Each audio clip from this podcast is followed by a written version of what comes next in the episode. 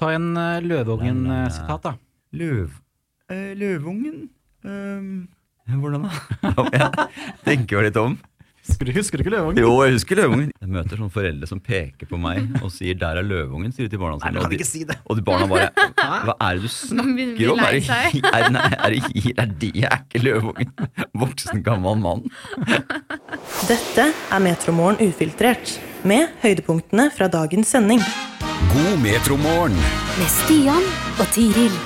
God fredag, velkommen til Metromorgen ufiltrert. Det er 9. februar, og vi har hatt eh, to hyggelige gjester i studio i dag. Ine Marie Wilman og Torbjørn Harr. Ja, begge med på å lage god fredagsstemning i studio i dag.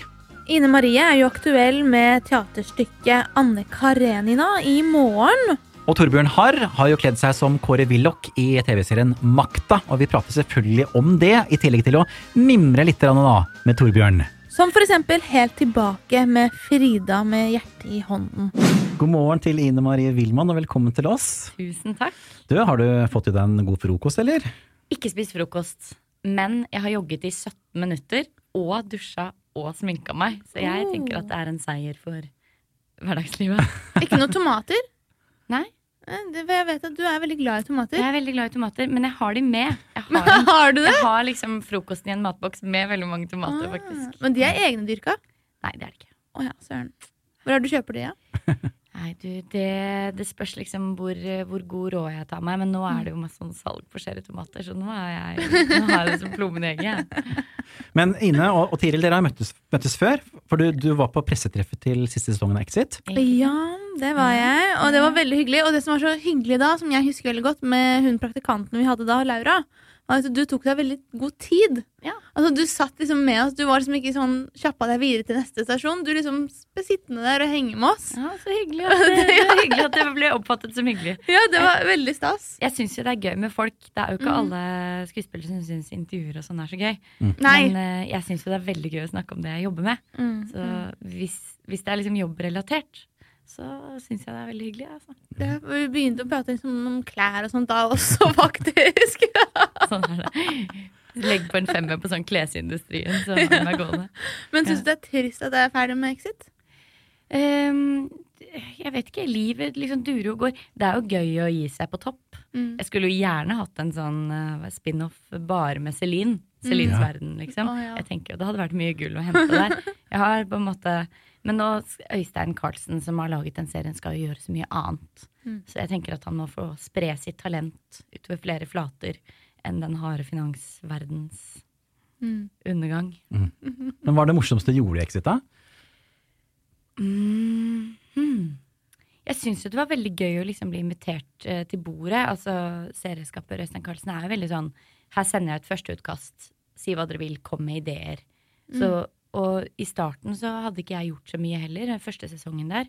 Så var jeg sånn men jeg, men jeg kan vel ikke. Men så ble jeg sånn Er det litt gøy hvis jeg Og så fikk man liksom lov å melde inn ting. Så det syns jeg kanskje var det morsomste. At man følte seg som medskapende, da. Ja, du var med å bygge karakteren din. Ja, og fikk komme inn med sånn snack sånn Jeg har gjort litt research, er det gøy hvis hun liksom på sitt laveste har en sånn greie med kubusbarn? kubusbarn? og så var han sånn, det er kanskje litt tjukt. Og så begynte vi å spille inn, så sa han sånn Nei, bare sleng på det der du foreslo, vi ser om det går. Klipper det vekk hvis det ikke funker. Ja, så sånne ting er veldig gøy da, når man har Ja. det sånn. Men åssen er det å gå fra familielivet til å endre en annen karakter? Er det, Syns du det er litt godt? Eh, ja, det er jo en sånn deilig eskapisme i det å liksom dykke inn i noen andres liv. Låne det. Eh, det er jo på en måte liksom kontrollerbart, og man kan liksom slippe unna alt som er vanskelig og, eh, og ja, hverdag, liksom.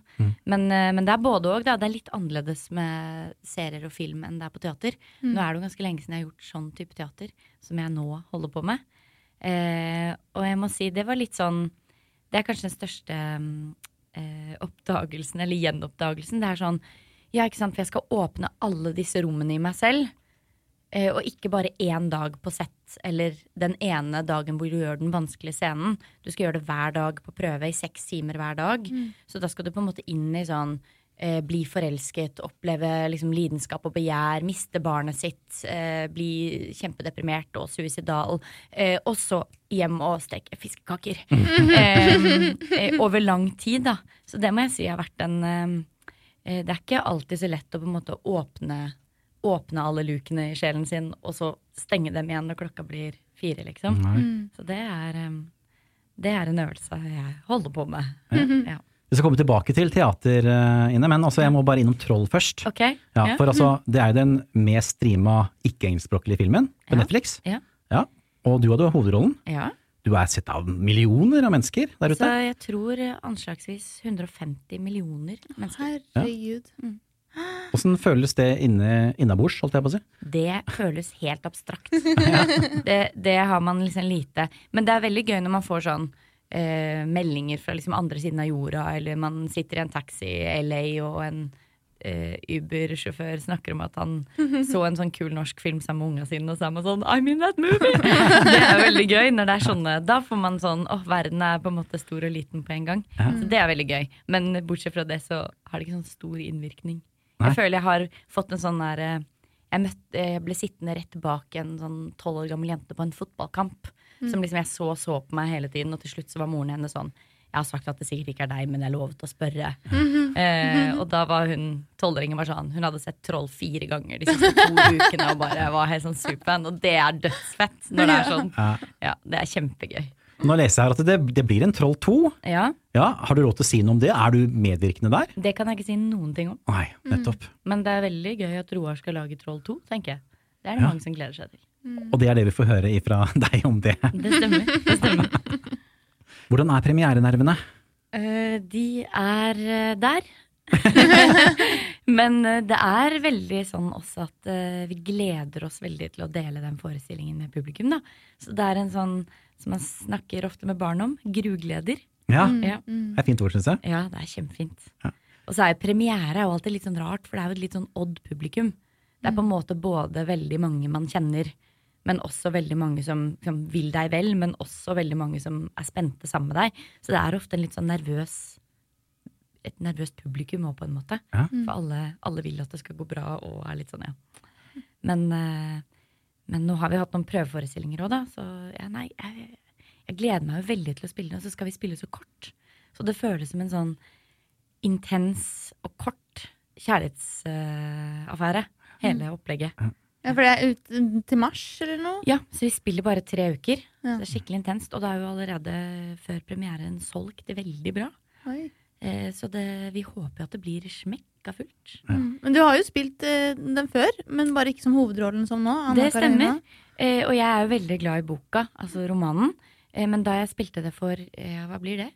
Ti år siden? Ja, Elleve år siden? jeg det Ja, ikke sant? Herlighet, da begynner man å bli voksen. Men det er veldig gøy å oppdage materialet på nytt, og det er jo masse ting ved Anna Karenina, både romanen og teatret, og på en måte eh, den verden som jeg ikke husker fra jeg leste det sist. Mm. For eksempel, nå så ser jeg jo at veldig mye av på en måte Annas eh, tragedie handler jo om dette barnet. Det å velge mellom kjærligheten, det der å få oppleve kjærligheten og føle seg levende. Eh, å, å, være sann, da, på en måte, eller ærlig og ekte. Eh, og det fører til at hun må velge bort barnet sitt, eller ja, bli Mm. tvunget til det. Og det med barnet, det husker jeg som 24-åring at jeg ikke hadde noe forhold til. Mens nå er jeg sånn Alt handler jo om det barnet! Eh, så det er en del eh, Det er jo interessant at man på en måte leser seg selv inn i historien. på en måte. Ja, men det er helt sånn jeg øh, ja, Det var, er jo veldig hyggelig å bli invitert hit og få snakke om det teaterstykket. Fordi øh, jeg må si det er noe av det feteste jeg har fått jobbe med. Altså. Og det er det, ja. Ja, det er helt sånn Det er så rikt materiale. Vi har jo 800 sider romanen som på en måte ligger i bunnen, som man kan grafse i. Eh, og så er det en sånn vanvittig reise. Og så er det litt sånn deilig. Jeg tror også grunnen til at det selger så bra. Jeg tror folk syns det er litt deilig å skulle inn i noe som er sånn Det er liv og død og kjærlighet og liksom eh, Det er ikke noe sånn distansert og eh, hva skal man si, dekonstruert. Det er liksom Direkte, det er liksom. store følelser og lidenskap. og Jeg tror vi liksom syns det er deilig å få dykke inn i det. Jeg syns iallfall det. Altså. Det er ingen lett bok å plukke opp, i utgangspunktet. Nei, men, men det er jo litt sånn med klassikerne. Sånn er jeg i hvert fall. At jeg, jeg kan kvie meg litt og tenke sånn åh, det er veldig tungt. Men en av grunnene til at klassikere ofte er klassikere, er fordi de er skikkelig bra. Så det er ofte ikke så tungt som man tror. Nå skal det sies at det man slipper når man ser teaterstykket, er jo de der 20 sidene med utlegning om sånn eh, provinspolitikk på den russiske landsbygda og sånn, som jo fins i romanen. Ja. Eh, det slipper man jo unna. Man får jo bare the juice, liksom, i Det beste var teateroppsetningen. Ja. Og så er det en skikkelig fin gjeng og bra regissør og Nei, jeg, jeg føler meg megaheldig. Jeg har vært helt sånn Jeg har bare villet jobbe helt siden vi startet med det. Tenker på det hele tiden, snakker om det hele tiden. Jeg er helt sånn beruset. Eh, Regissøren eh, beskriver meg som en godt over gjennomsnittet entusiastisk hovedrolleinnehaver. Ja, ja. Eh, Men det er veldig ektefølt, da. Ja. Ja. Så deilig å kunne jobbe med noe som du synes er så gøy. Ja, ja, ja. Ja, det føles helt Altså, men sånn- høres ut som jeg ikke syns det er gøy, det vi gjør. Nei, men jeg føler meg veldig heldig som har en jobb jeg kan ja, Jeg ønsker å la meg sluke av, liksom. Ja. De gangene, Og det er jo ikke alltid det føles sånn. Nei. Så det er jo at de gangene det føles sånn, så er det liksom ekstra spesielt. Men har du den følelsen på TV og film også? Det er litt annerledes. Eh, jeg kan absolutt ha det, men da går det jo ofte veldig lang tid fra man har levd rollen, til den blir delt med verden.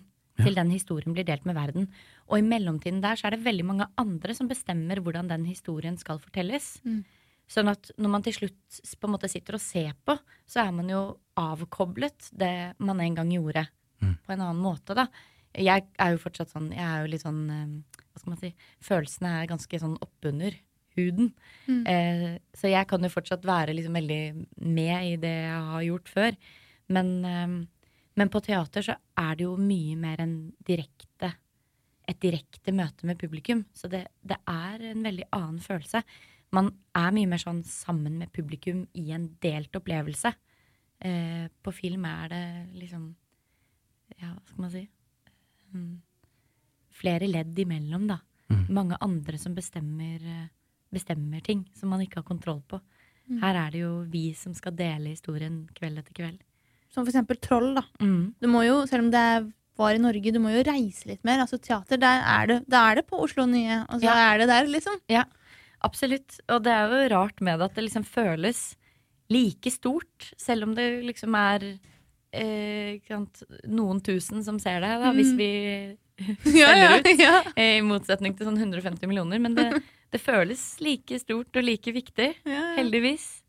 Um, og så er det jo noe med i dag, da, hvor alle sitter veldig mye med hver sin skjerm, så er det også noe helt Og det mener jeg virkelig jeg har en stor kjærlighet til teatret som møteplass. Det der at man sitter i samme sal, skulder ved skulder, også med mennesker man ikke kjenner, og deler en opplevelse.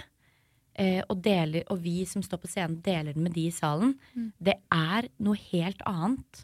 Og det er på en måte en stund man legger vekk telefonene og kobler seg på hverandre. Så man snakker jo om det med som barn og barneteater og sånn, at det gjelder jo også for voksne. At teater er en øvelse i empati.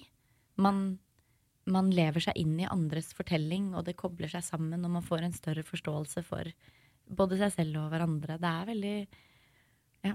Eh, det er veldig stort, syns jeg. Kan man tolke det til at du, du er gladest i teater? Eller? Nei, jeg, jeg hadde en sånn eh, Jeg hadde et sånn bilde som jeg senere har skjønt at jeg har stjålet fra Bergman. Om at teater er min store kjærlighet, men uh, filmen er en elskerinne. uh, det føles litt sånn at jeg ble sånn nyforelska da jeg gjorde min første film. At det var sånn Det holder å bare tenke altså At jeg trivdes godt i det formatet og sånn. Så det er vel mest det at jeg trives ekstremt godt med vekslingen, da.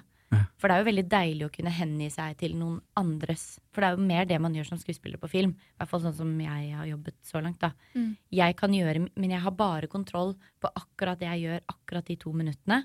Og så er det noen andre som legger på lyd og klipper om og velger andre ting enn jeg kanskje syns. Og, og sånn. Uh, og på teatret så står du mer i det. Men så er det jo, da har du også et mye større ansvar, da. Eh, så det er liksom det er litt to forskjellige ting. Og så er det jo superprivilegert å få lov til å gjøre begge deler, da. Og Vi skal ikke ta helt brodden ut av Anne Karenina her nå, men har du noen nye filmprosjekter på gang? Eh, ja, eh, det har jeg. Litt ting jeg ikke kan snakke om. Litt ting som kommer ut. Og eh, så kommer det jo en familiefilm. Så det er jo hyggelig at barna mine kan se noe jeg gjør, for de kan ikke se Anna Karenina. Nei. Eh, det, er for mye, det er for mye sex og død, på en måte. Men de fikk se, de fikk se Troll. Troll har eldste fått se. Ok. Eh, Men jeg tror begge to skal få se 'Victoria må dø', som er en familiefilm som kommer ut nå i februar. Eh, har bergenspremiere 8. februar og norgespremiere 16., tror jeg. Ja, Fortell om filmen, da. Du, den eh, Det er en film som handler om eh, to barn. Eh, som eh, får en stemor som de har veldig lite til overs for. Er du stemor? Jeg er stemor. Den beste rollen. The Evil Stepmom. Det er en klassiker. Um, eh, og de finner ut at det beste er om hun skal, dør. Oh ja, Så de prøver å skaffe en leiemorder for å ta seg av det. disse barna? Disse barna. Ja. Eh, og så er det, de lever i en sånn liksom privilegert pastellfarget bergenstilværelse. Litt sånn konsekvensløs tilværelse. Så det er et veldig sånn morsomt univers. Ja. Eh, og så, prøver, og så får de da fatt på en fyr som de mener eh, kan være en leiemorder. Eh, han er egentlig en helt vanlig fyr, men han har litt pengeproblemer, så han liksom blir på en måte med på opplegget. Eh, og det er jo Leo Ajkic. Og jeg mener at vi andre trenger nesten ikke å jobbe når du vet at leiemorder Carl blir spilt av Leo Ajkic. For da, da vet du at det blir gøy, liksom. Men det er veldig gøy for um, Gunnbjørg, som har regi og manus. Hun har veldig sånn uh, ja, Hun ser nok mye til Danmark. Den er litt mer sånn hva skal man si, eh, lite politisk korrekte barne... Ja. Den, de er på en måte Det er ikke, det er ikke så Vil ikke at det bare skal være snilt, liksom. At det er litt sånn drøyt og gøy og rart. Ja. Så Det er sikkert barn som har tenkt at stemor må dø. ja, det er nok det. Så det. Men det er vel ikke alle som går så drastisk Nei, eh, til verks som disse to. Da. Så det er forgiftning, det er liksom ulike ting de prøver seg på. Da gleder vi oss til, til, til, den, til den filmen. Ja, Og så gleder vi oss til eh, Anne Karenina også. ja det, det, er jo et, eh, det er jo et slags spenn. Ja, det kan man trygt der. ulike prosjektene. Det er, jo, det er man jo heldig. Hei, hei, det er Ronny Brede Aase her, som jo har et TV-program for tida på TV Norge som heter Skinnet bedrar. Og i den anledning så har jeg lyst til å spørre deg om følgende. Når var sist du ble tatt i løgn? Og nå vet jeg at du, og jeg bare sier, nå vet jeg at du kom på noe akkurat nå. Det er fint at du vil dele det med oss andre. Jo, jeg lyver ganske lite. Du tror, du tror du lyver lite? Ja. Nei, så, å, nå blir det sånn kjedelig svar. Det hadde vært så gøy å komme med noe sånn, noe sånn gøyalt og drøyt. Ehm. hmm. Kan ikke huske liksom sist gang jeg sånn løy sånn ordentlig heller. Lyver jo sikkert litt hele tiden. Lyver mye for meg selv. ta, meg se, ta meg selv i løgn. Uh, Som hva da? Nei, det er mer sånn uh, Tenker at uh, jeg er en sånn og sånn person, eller at jeg bestemmer meg for at jeg har noen sånne holdninger som jeg liksom må ta Nei, det, sånn er jeg egentlig ikke. Hvem er det jeg prøver å lure? Det er litt mer sånn, kanskje. Men jeg har begynt å Jeg vet ikke om det er en løgn, men det er en slags uh, hverdagstilpasning. Jeg har begynt å legge på litt uh, på når jeg slutter på jobb, for eksempel. Fordi at jeg er, jeg er alltid sein. Og hvis jeg sier at jeg slutter fire, så har folk en forventning om at jeg kanskje er hjemme halv fem. Da, eller sånn. Men da har jeg begynt å si at jeg slutter halv fem, eller kvart på fem. sånn at jeg bare kan få lov til å somle uten å liksom Ja, for det, det handler om det å kunne somle, bare kunne Ja, kunne liksom ha litt å stjele til seg sånn egentid. Mm. For å liksom, hva skal man si, omkalibrere seg litt, Ja. liksom. Mm. Men er ikke det viktig òg, å gjøre det? Jeg tenker jo, altså jeg gjør det jo av en sånn uh, av viktighet Jeg tenker også at det er bra for dem at jeg kommer Ja. hjem og er litt sånn Men, eh, men jeg, liksom, jeg gjør det kanskje litt på sånne andre ting også nå.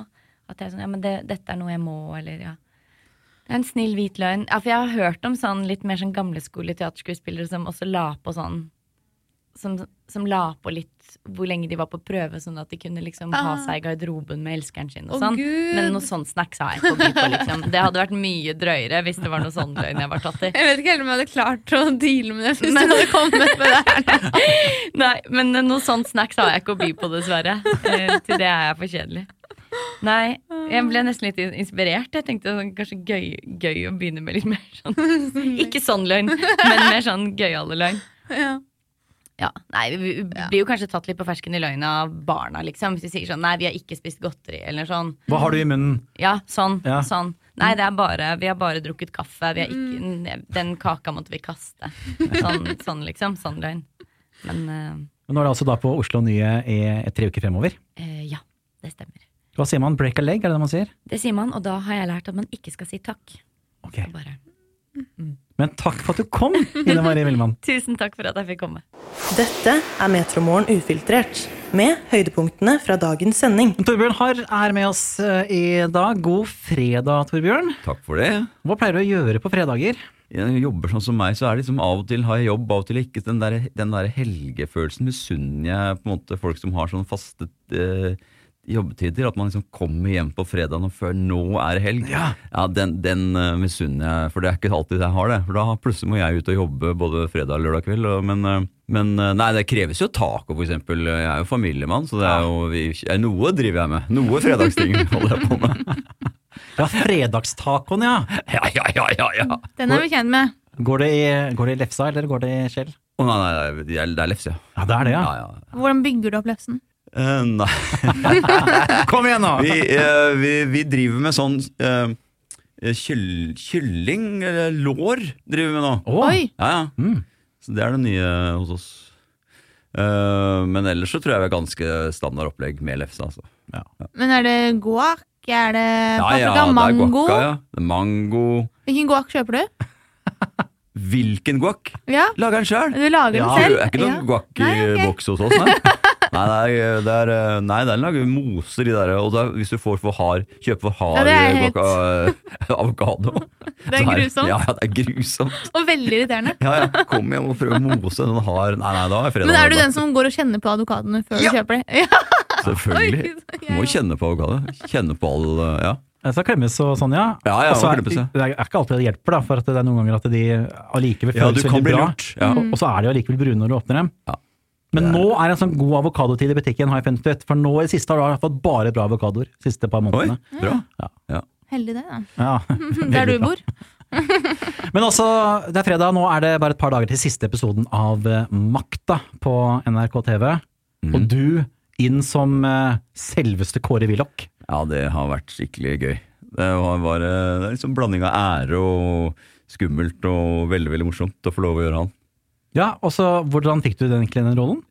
Nei, jeg var på prøvefilming, ja, som uh, vi driver med. Uh, og da tenkte jeg at dette hadde vært gøy å få, så da forbered, forberedte jeg meg ganske bra før den prøvefilmingen. Og gikk liksom og prøvde å få inn litt den stemmen til Willoch. Og ja, jobba ganske bra før prøvefilming for å få den. Og så var det så gøy kjemi mellom meg og eh, Katrine Thorborg Hansen, som spiller Gro. Ja. Og hun også klarer jo stemmen, også klarer eh, måten Gro prata på, veldig bra. Ja, ja imponerende. og du imponerer jo du også med Kåre Willoch, da. Ja, så, og så etter jeg fikk jobben, så jo- jo- jobba jeg jo skikkelig med det. Så jeg har, ja, det var en, et arbeid det å få inn de greiene der. Ja. Så jeg, jeg er ikke sånn skuespiller som har pleid å være sånn veldig sånn Å drive så mye med sånn etterligning og sånn. Så at det var, for meg var det en, en ny ting å gjøre det. Det var mye sminke. Ja. Eller? Antar jeg. Jo, jo, jo, jo, det er absolutt mye sminke. Ser hvordan du Men ser det, ut her. Det er, jo- det er jo ikke sminken som tar tid, det er jo å, å, legge på den der bald capen, som vi Ja. sier, og få den skalla. For først så eh, For han har jo hår på siden, men det, først tar man og lager en sånn helt skallet eh, hode, og så legger man på hår, det håret på utsiden etterpå. Ah. Um, så nei, jeg satt jo i over to timer hver morgen eh, i sminkestolen. Hva gjør du da mens du sitter og venter? da? Er det telefonen, da? Ja, nei, da er det jo Jeg er jo litt telefon, selvfølgelig, dessverre. Men uh, mest av alt å gå gjennom teksten. Det er en sånn veldig fin ting å, å bare jobbe for dagens, uh, dagens tekst, som vi kaller det. Eh, så da sitter man og jobber med det, og for, at det blir en slags sånn det er det på, selv om det ikke tar så lang tid, på film og teater òg. Den der tiden i sminkestolen, liksom. Det er en sånn veldig sånn fin tid å forberede seg mentalt på den skal skje. Så man kommer liksom fra stress og hjemme og dårlige morgener og alt sånn. Men så kommer man i den sminkestolen, så det er liksom prosessen for å konsentrere seg. Det er som å sitte på toget. Du må, du må sitte der. Ja, det er vel sikkert sånn hvis du pendler til jobb, ja, så er det kanskje det at den samme tingen. Men sitter dere sammen i garderoben? Dere Ja, det kommer litt an på, men ofte sitter man flere ved siden av hverandre. Ja, Det er litt sånn garderobestemning. ja det er en veldig god stemning. Garderobekultur. Ja. Garderobestemning, det må være et nytt ord. Ja, Garderobekultur var egentlig det ordet jeg så til, men jeg kom ikke på det. Jo, men garderobestemning, det er, eh, det er noe på teater. Ikke sant? På, på Nationaltheatret. Det er veldig forskjellig. For eksempel, hvis du kommer, Der er det flere scener. Ikke sant? Det er hovedscenen, så er det amfiscenen. Hvis du kommer der og har en liksom, Du spiller den 17. forestillingen, men så er det premiere på Amfi. Da merker du garderobestemningen veldig tydelig. Oi, nå! Ja, søren, nå er det premiere der. Så man merker garderobestemningen, ja. Kult. Men hva sitter du igjen med etter eh, makta, Torbjørn? Eh, jeg, s- eh, det har jo, var jo veldig gøy, og på en måte ganske nesten sjokkerende, at det har blitt så, en såpass stor snakkis, og så mange ser på det, og så mange, mange er opptatt av det. Og unge folk, ikke minst. Kjempegøy. Eh, så det er noen som mener at eh, det var jo ikke helt som det var, og dette er jo ikke bra, men jeg mener at det, det som jeg ser, er at det har mange unge folk har blitt som opptatt av den politiske historien, av hva vi kommer fra, og de kampene som har vært utkjempet for å komme dit vi er nå i Norge. Eh, at eh, det var ikke bare bare å få dette her sosialdemokratiet som tross alt funker ganske bra. Eh, så det, det syns jeg det er jeg veldig stolt av å ha vært med på. Overraskende at det skulle slå an så godt. Um, og så er det gøy å treffe folk som uh, har vært opptatt av Willoch og Gro og husker de debatten. Og, øh, det har kommet uvanlig mange bort og prata med meg om, om liksom rollen. uh, så det har vært stas, syns jeg. Men uh, jeg har lurt på det lenge. Det er sikkert folk kommet svar ut av i, svar på det i mediene. Men det med at det er operaen er med, at det er Voi som er med på filmen, hvorfor er det miks av det som var og det som nye, moderne? Ja, det er jo et sånt grep som, er, øh, som vi ikke visste om ville funke, men som jeg syns funker utrolig bra, og som var ganske modig. Det er jo at man, disse karakterene på en måte lever sitt liv sånn det var da, men de lever liksom i resultatet av den politikken de var med å skape. Ah, det er Sånn derfor. at, øh, og så det er en, en sånn en, en grunn, men så er det også at et sånt prosjekt, hvis du skal lage det tidsriktig, ikke bare i kostymer og med skues skuespillere, men alt rundt, det er utrolig kostbart. Ja. Sånn, Få inn gamle biler, fjerne da alle nye ting, vise sånn at, sånn at det blir en helt annen type serie å lage hvis det skal være så gammelt. Sånn at øhm, Det var også det at vi tenkte bare nei, nå, det, det der øh, Disse lever i nåtiden, men de, men de lever på begynnelsen av 80-tallet. Kanskje også mer sånn at fokuset er ikke der, det fokuset er på en måte det som skjer Ja. inni Og, og ingen visste helt hvordan det kom til å funke. Så det var ikke sånn at det var øh, Men når man har sett de, når man har sett to voier og det nye operahuset operahuset gå forbi, så, så tenker man ikke så mye på det. mm. Det skaper litt oppmerksomhet også, da. Ja, ja, ja. ja. Det, er, så det er jo gøy, det. Men øh, ja, nei, det, det var et ganske sånn modig valg som de gjorde. Um, så det er ganske, faktisk ganske nyskapende serie på mange måter. Jeg gjør jo entré som meg selv i den første episoden hvor Willoch kommer. Så kommer jo jeg liksom inn, Torbjørn her, og så kommer en sånn gammel Aftenposten opp for, og så går Aftenposten ned igjen, og sitter jeg med fullt Willoch-utstyr, liksom. Sånn at um, alle de grepene der, som vi kaller det, det fungerer veldig bra. Ja, det var min første tanke etter jeg har sett den eh, første episoden, bare. Så var det sånn der, oi, morsom produksjon. Altså, bare gøy lagd, Mm, tenkte jeg etterpå. Rett og slett. Men eh, fra makta nå, hva, hva skjer videre, Torbjørn? Jeg eh, er jo, jobber jo på Nationaltheatret, det er jo liksom der jeg hører hjemme da. Så jeg er jo alltid, jeg gjør jo en del film og TV, men så kommer jeg alltid tilbake dit. Og nå skal jeg tilbake der eh, og begynne å prøve på noe nå etter påske. Eh, Som eh, jeg tror blir kjempefint. Og så før det så eh, gjør jeg litt sånn mindre, jobber med Filmskolen på Lillehammer eksempel. Å ja. Jeg er med på en produksjon der, og så er jeg veldig glad i å lese lyd, altså lese inn lydbøkene. Ja, og det, det må jeg si, der har du fin stemme å høre på, altså. Ja, takk for det. Nei, det, er, det er det er sånn um, ordentlig fin jobb som jeg kan gjøre innimellom. Som jeg syns er fint. Uh, det er ganske sånn stressende og masete jobb jeg har ellers, men nå sitter inne i lydstudio der sånn alene, bare med sånn teknikk på andre rom, og sitter fire timer om gangen og leser inn sånn. Det er øh, veldig fin jobb, og så er det jo så mange som hører på det nå, så det, Ja. ja, det er veldig gøy. Men du sier sitter fire timer, hvor mange sider får du gjort opp på de fire timene? Eh, altså, etter, etter å lese sånn konsentrert i fire timer, da er jeg helt kjørt i huet, for det første. Men uh, man regner på en måte, eller i hvert fall jeg regner at det tar med alle små pauser og alt det feil man leser om å gå tilbake, så bruker man liksom tre ganger så lang tid på å lese inn boka som sluttresultatet. Ja. Altså, ja. Så hvis det tar eh, liksom seks timer, og hvis boka blir seks timer, så har, har jeg vært i studio tre ganger så lang tid. Liksom. Ja, ikke sant. Hva er den beste boka du har lest, da? Den beste? Ja. Uh, ja, jeg har lest så mange bøker, så jeg det vet ikke hva den beste er. Men uh, den jeg folk kommer bort mest, det er sikkert for meg flest hører på, men det er 'Kongeriket', Jo Nesbø-boka, Mhm. som kom ut for noen år siden. Den ehm, Det er alltid gøy, å, for da kommer folk bort, og da, å snakke om den er morsomt, syns jeg. Ja, ikke sant. Mm. Men eh, jeg syns det er på sin plass å mimre litt også. For eh, Torbjørn, altså, jeg, jeg tenkte på det i går, da vi fikk vite at du skulle komme hit i dag. Da. Og så tenkte jeg herregud, Torbjørn har da vært med meg nesten hele livet mitt. på mange måter. Jeg, og jeg tenkte hvor har jeg egentlig deg fra først? Og så tenkte jeg kan det være Borgen skole? Nei. Og så måtte jeg google. Altså. Nei, det er Frida, ja! Selvfølgelig, Ja, ja, med er hjertet i hånden. Ja. Veldig mange som sier Borgen skole. Jeg var ikke med på Borgen skole. Nei, men, men det var min første tanke, faktisk. ja, det er alle tror det. Ja. Nei øh, Ja, nei, jeg har jo holdt på en stund, ja. Begynte tidlig. Ja. Hva husker du fra den tiden med Frida, da? Uh, nei, det var Jeg begynte faktisk enda, hvis, man, hvis jeg skal virkelig være helt konkret her, så begynte jeg jo Var jeg med på to ting før Frida. Uh, en het Øyenvitne, og det første het Onkel Gustav og kassettmysteriet. Som var på, på Blikkboks og Hva het det? Midt i smørøyet? Midt i smørøyet. Ja. Um, det var bare for at jeg, jeg hadde ikke drevet noe med teater, hadde ikke noen familie som drev med noe sånt helt tatt. Men det kom på skolen, for jeg gikk på skole i Oslo sentrum, fra NRK og spurte om noen ville komme på audition. Uh, og da, da kom jeg på det, ble jeg med på det, og så fikk jeg da den første rollen.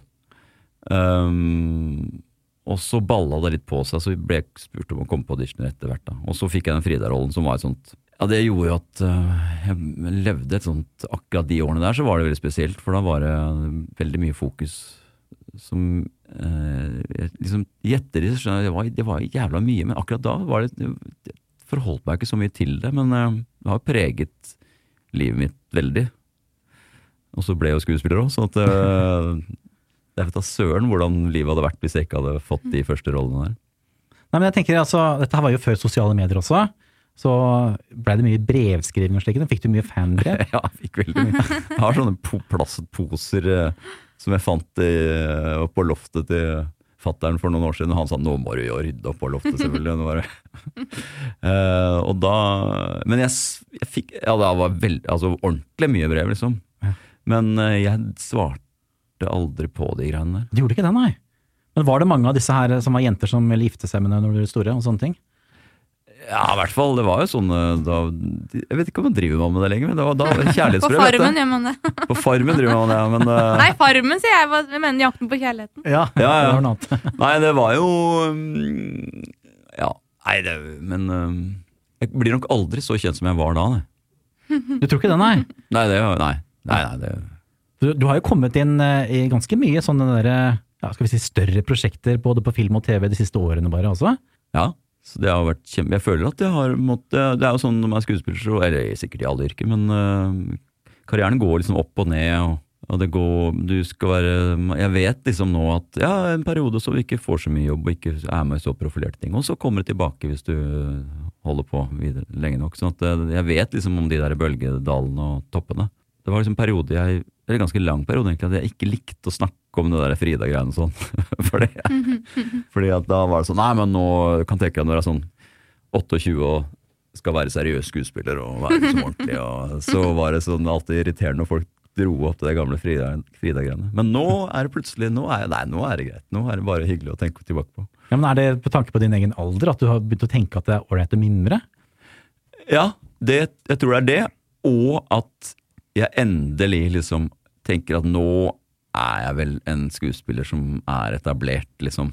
Nå trenger jeg ikke å kjempe for å være liksom bare bli, bli bedre og bedre og mer og mer ansett. Og liksom, selv om jeg er usikker og at det er vanskelig å sette i gang med hvert eneste nye prosjekt, er alltid usikkert, så har jeg en liksom, litt større trygghet i meg sjæl på at jeg eh, har, har, gjort, jeg har gjort litt. Hva er det folk eh, på gata kjenner deg igjen mest Frida, for. da. Det er Frida.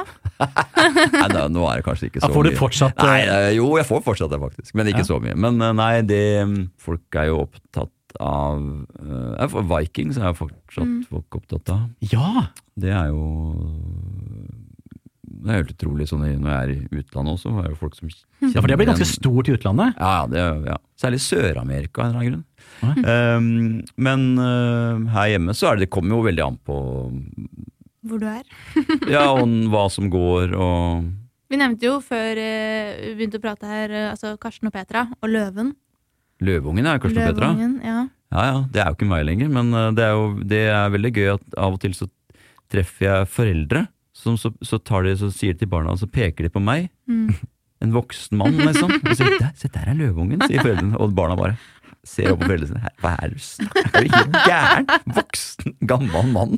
Ikke løveungen, det. Men eh, vi vi snakka litt om det akkurat det der før vi kom på her også, og, og du prøvde å finne igjen den løveungen-stemmen. Ja. Ja, er er den, er den helt borte?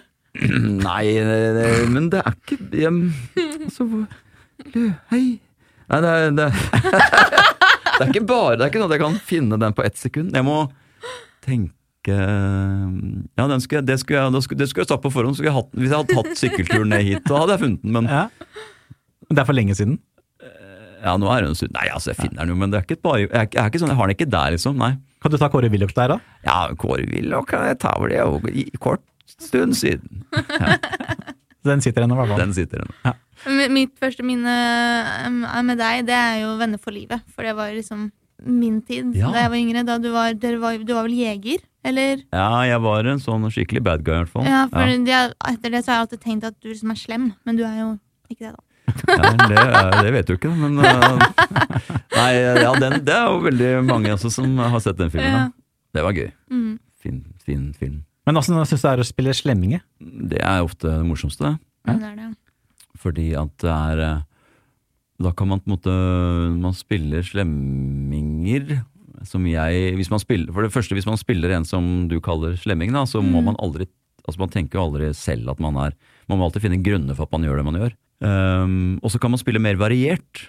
Uh, det er det som gjør at det er morsommere å spille liksom bad guyer. At uh, du kan spille kjempehyggelig i den ene scenen, og så kjip, og så, og så vet liksom folk Nei, han er egentlig kjip, så kan spille utrolig hyggelig i neste scene, liksom, hvis du har vært slem først.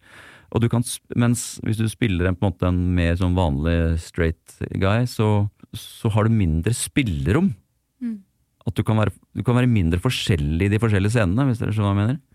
Eh, så det er en av grunnene til at det er morsommere å spille de som er litt slemme, men um, Nei, det, så det er det, Jeg elsker det. Du elsker å være slem, ja. Jeg elsker å være slem. Det er fint, film. fint å ha et sted å ha utløp for det, kanskje. ja, det også. Forlate både film og teater litt her, Torbjørn. Det er bare realiteten her nå. Det er jo morsdag på søndag. Er det noe dere markerer hjemme hos dere? Ja, det tyder det svaret på det, at jeg blir overrasket. Er det morsdag på søndag? Ja. Ja, nei, jeg er veldig, veldig glad for at ingen i min familie feirer farsdag. Ja. Oh, ja. For da slipper jeg å være så veldig opptatt av Ja. Men jeg, hvis det er morsdag på søndag, da men Det var egentlig godt du sa nei, men da skal jeg ordne et eller annet. Men uh, det blir ikke feiret sånn veldig, nei. Nei. Men uh, da Men det, jeg tar jo en telefon til mora mi, selvfølgelig. Og, men noe mer enn det pleier ikke å være. Nå som man får barn selv, så skjønner man jo hvor viktig det er og hvor riktig det er å hylle sine egne foreldre. Ja, ja. Fordi man får ingen, altså i hvert fall når du har et tenåringsbarn, så får du ingen hyllest eh, fra, altså fra den veien. Null!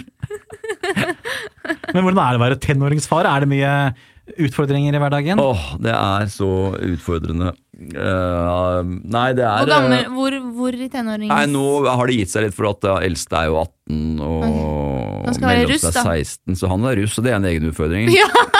uh, russebuss, å hei sann.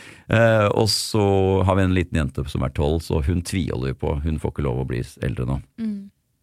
Men nei, det er Altså, det er kjempehyggelig. Altså, det er ikke noe, ingen krise, men den derre uh, Var det noen som sa at det var som en sånn slags kjærlighetssorg når de barna blir tenåringer, og det, det er jeg enig i. For at den derre At du ser opp på deg, og du er som pappaen og ordner opp og, og så plutselig er du helt uinteressant. Mm, himmel med øya. Ja, ja, ja, er, og, jeg husker jo det selv, jeg er jo ikke interessert i å være sammen med deg. Nei. Så står man liksom der og Skal vi finne på noe? Nei.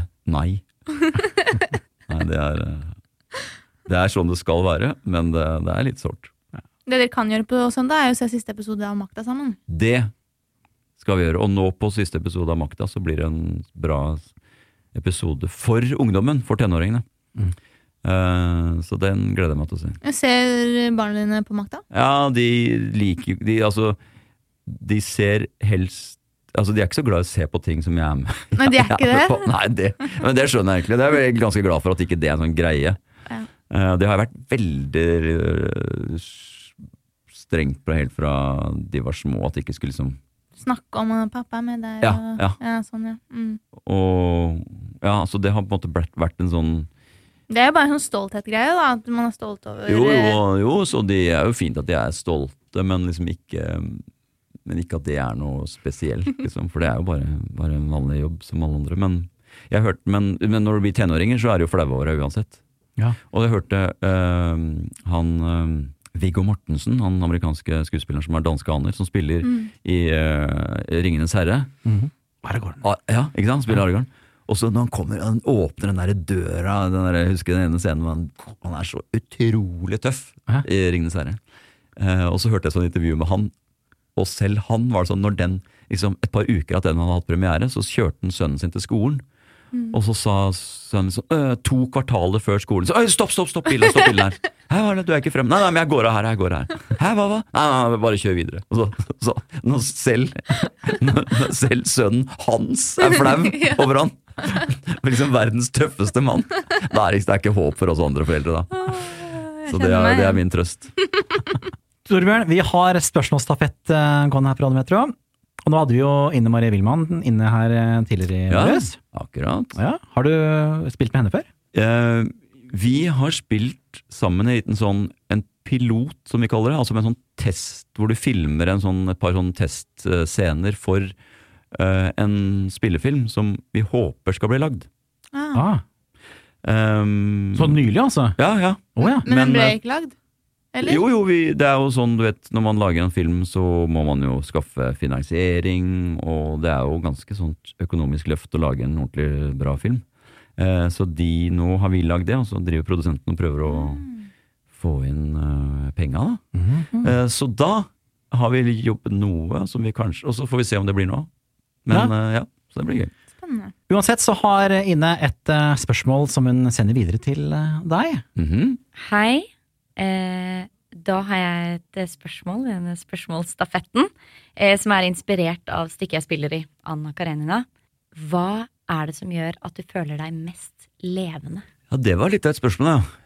Hva er det som føler at du er mest levende? Det, det først jeg tenker på, er jo det de gangene man glemmer seg sjæl.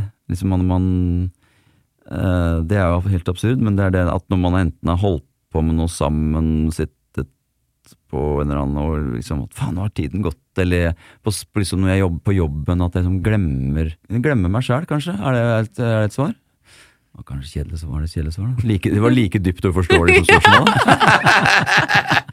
Vil egentlig ha sånn uh, når jeg er sammen med kompiser eller når jeg sykler nedover gata. eller sånt. Nei, jeg vil si når jeg, De gangene jeg glemmer meg sjæl, hvor det har gått liksom et, uh, noen minutter og jeg tenker å faen, nå har jeg ikke tenkt en tanke på Vært liksom helt fri oppi huet. Har, har du den eh, friheten ofte, føler du, eller er det Nei. for sjeldent? Det er for sjeldent. Jeg søker den veldig sånn i Jeg har den jo sånn når vi For eksempel når du er sammen med venner eller driver med liksom Er ute i naturen og kjører nedover bak på ski, liksom. Da kan man få den, men sånn Jeg søker den veldig i jobben. Søker ja. veldig sånn friheten. Det er de beste øyeblikkene når man Når vi spiller en, filmer en scene, for eksempel, og man er liksom veldig sånn til stede der i det som skjer akkurat da, eller på teaterscenen hvor det plutselig uh... Kan ikke det ødelegge litt, hvis, du som, hvis du er i en rolle og så skal du være til stede samtidig? I deg selv? Jo, men, jo, men at man For man Det er jo et veldig sånn selvbevisst yrke, det vi driver med, ikke sant? Og det er jo så mye kamera rundt, og så mye andre folk, og når du spiller på teater, så sitter det liksom 800 stykker i salen og ser på. Sånn at det krever ganske mye, og den der følelsen av å bli sett, den er veldig sterk for oss mennesker. Ikke, sant? ikke bare for oss skuespillere, men for alle. Um, mens når det slipper, og det man bare har fokus på det man spiller med, og det skjer noe nytt, og kollegaen sier en replikk på en ny måte som gjør at du svarer på den måten, og så Mm. Ja, de øyeblikkene der, Mm. de eh, Det gjør meg lykkelig. Torbjørn Haar, det har vært en glede å ha deg her i studio. Ja, likeså. Og så gleder vi oss til det siste episode av Makta på søndag. Det blir gøy. Og god helg, ja! Ja, god helg!